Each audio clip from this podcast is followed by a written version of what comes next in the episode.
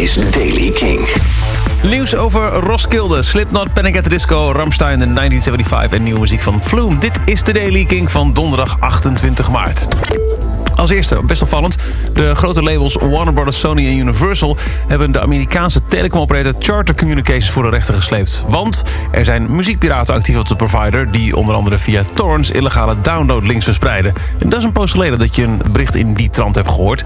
Het leek al een jaar of tien eigenlijk best rustig... als het gaat over ehm, labels versus piraten. Hè. Zeker sinds de opkomst van streamingdiensten leek dat een beetje dood te zijn, die strijd. Maar nee hoor, uh, platengiganten beweren dat Charter bewust heeft meegewerkt... aan een massale schendingen van het copyright gepleegd door hun abonnees, waardoor de labels naar eigen zeggen substantiële inkomsten verloren zijn. Er is een vraag die menig familieruzie kan veroorzaken. Wat was het beste decennium voor de popmuziek? Babyboomers zullen de Beatles en de Rolling Stones erbij pakken voor de jaren 60. Uh, eh, kids uit de jaren 80 zullen roepen... nee oh, de Smiths, Jordan Fish en Depeche Mode. Maar goed, er is nu een wetenschappelijk antwoord. Dankzij de New York University. Die heeft 643 proefpersonen in de leeftijd van 18 tot 25... ondervraagd over hun popkennis van de afgelopen 50 jaar. Dus jonge mensen 50 jaar popmuziek laten horen. En dat blijkt, nummers uit de jaren 60 zijn een stuk memorabeler... dan nummers uit de jaren 2000 tot 2015. Ook nummers uit andere decennia bleken iets gedenkwaardiger dan de meest recente tracks. When a Man Lost a Woman van Percy Sledge, The Tide is High van Blondie en Baby Come Back van Player waren de meest herkenbare en memorabele nummers. De jaren 60 tot 90 waren een bijzondere tijd in de muziek... weerspiegeld in een gestage erkenning van stukjes uit die tijd... zelfs door millennials van vandaag. Dat concludeerde Pascal Wallish, hoofdauteur van de studie. Roskilde, een van Europa's grootste muziekfestivals, heeft de line-up voor 2019 onthuld. Het speelt zich af van 3 tot 6 juli in Roskilde, Denemarken... met bovenaan de poster The Cure, Travis Scott, Vampire Weekend... Bob Dylan, Underworld, Cardi B, Robin en Robert Plant en de Sensational Shapeshifters. Andere namen zijn onder andere Janelle Monáe, Christine and the Queens... Tears for Fears, Noel Gallagher's High Flying Birds... Meu, Brockhampton, Maggie Rogers, Nene Cherry, Georgia Smith... Johnny Marr, Cypress Hill, Bring Me The Horizon... Denzel Curry, Jungle, Joey Purp... Sophie, Julian Baker, Parquet Courts... en nog vele, vele, vele, vele anderen. Dit is het geluid van Slipknot. Zij brengen op 9 augustus een nog niet getiteld nieuw album uit... Halloween kwam er al een uh, single uit All Out of Life. En nu is er een minuutlange clip verschenen op hun uh, social media. Met veel vervormingen. Beelden van studiosessies. En op een gegeven moment ook een soort van vertraagde schreeuw van frontman Corey Taylor.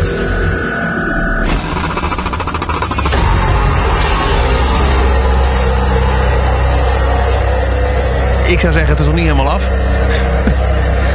Maar dit is vooralsnog wat we kunnen horen van het nieuwe Slipknot-album. Panic at the Disco hebben een groot radiorecord verbroken in de Verenigde Staten. Ze hebben Girls Like You van Maroon 5 en Cardi B verslagen... door voor de 15e achtereen volgende week bovenaan de Adult Pop Songs Radio Airplay Chart van Billboard te staan.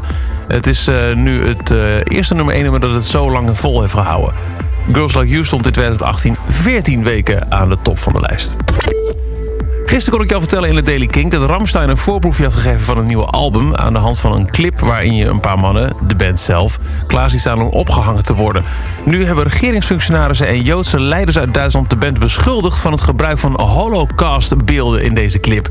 Charlotte Knobloch, de voormalig president van de Centrale Raad van Joden in Duitsland, heeft tegen Beeld gezegd: Met deze video heeft de band een grens overschreden. De instrumentalisering en trivialisering van de Holocaust, zoals getoond in deze clip, is onverantwoordelijk.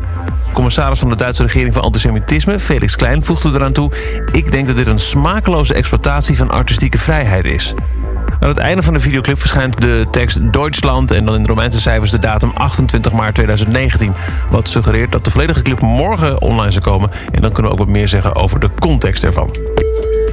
Matt Healy van de 1975 heeft zich op Twitter druk gemaakt over geldvragen voor meet and greets. Wie heeft betaalde meet and greets verzonnen? schreef hij eergisteren. Dachten ze, hmm, waarmee kunnen we nog meer geld verdienen? Natuurlijk, menselijke verbindingen. They'll eat that. Vervolgens schreef hij in hoofdletters: ontmoet je fans of niet? Niet alleen als je wordt betaald, wat ben je aan het doen? Vervolgens vervolgt er een flinke discussie tussen hem en andere fans. Het is een paradoxaal excuus om muziek exclusief te maken, roept hij nog. Rijke kinderen, jij links, arme kinderen, fuck off. En hij kwam ook met een aardig idee over hoe deze praktijk snel opgelost zou kunnen worden.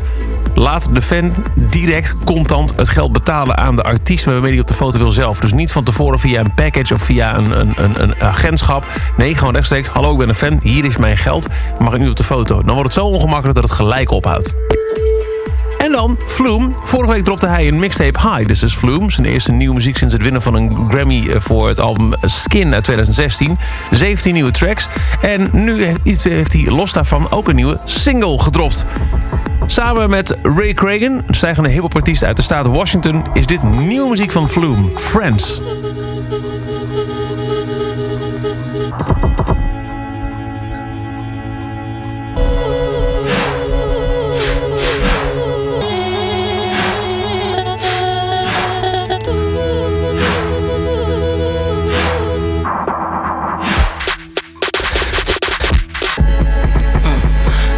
Pressure on me, put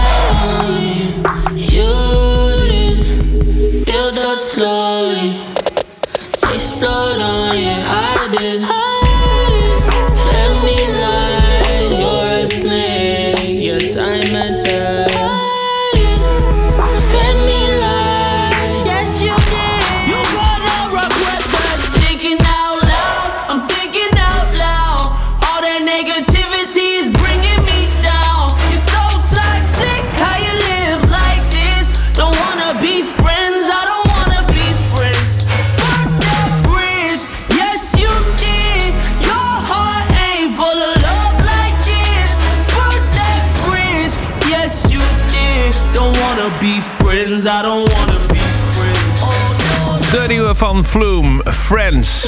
Tot zover deze Daily Kink. Elke dag in een paar minuten helemaal bij met het belangrijkste muzieknieuws en de nieuwste releases. Niks missen. De Daily Kink vind je onder andere op het exclusieve Kink-kanaal op Deezer. Verder kun je ook luisteren in je favoriete podcast-app op Spotify... en natuurlijk dag in dag uit via kink.nl. Elke dag het laatste muzieknieuws en de belangrijkste releases in de Daily Kink. Check hem op kink.nl of vraag om Daily Kink aan je smart speaker.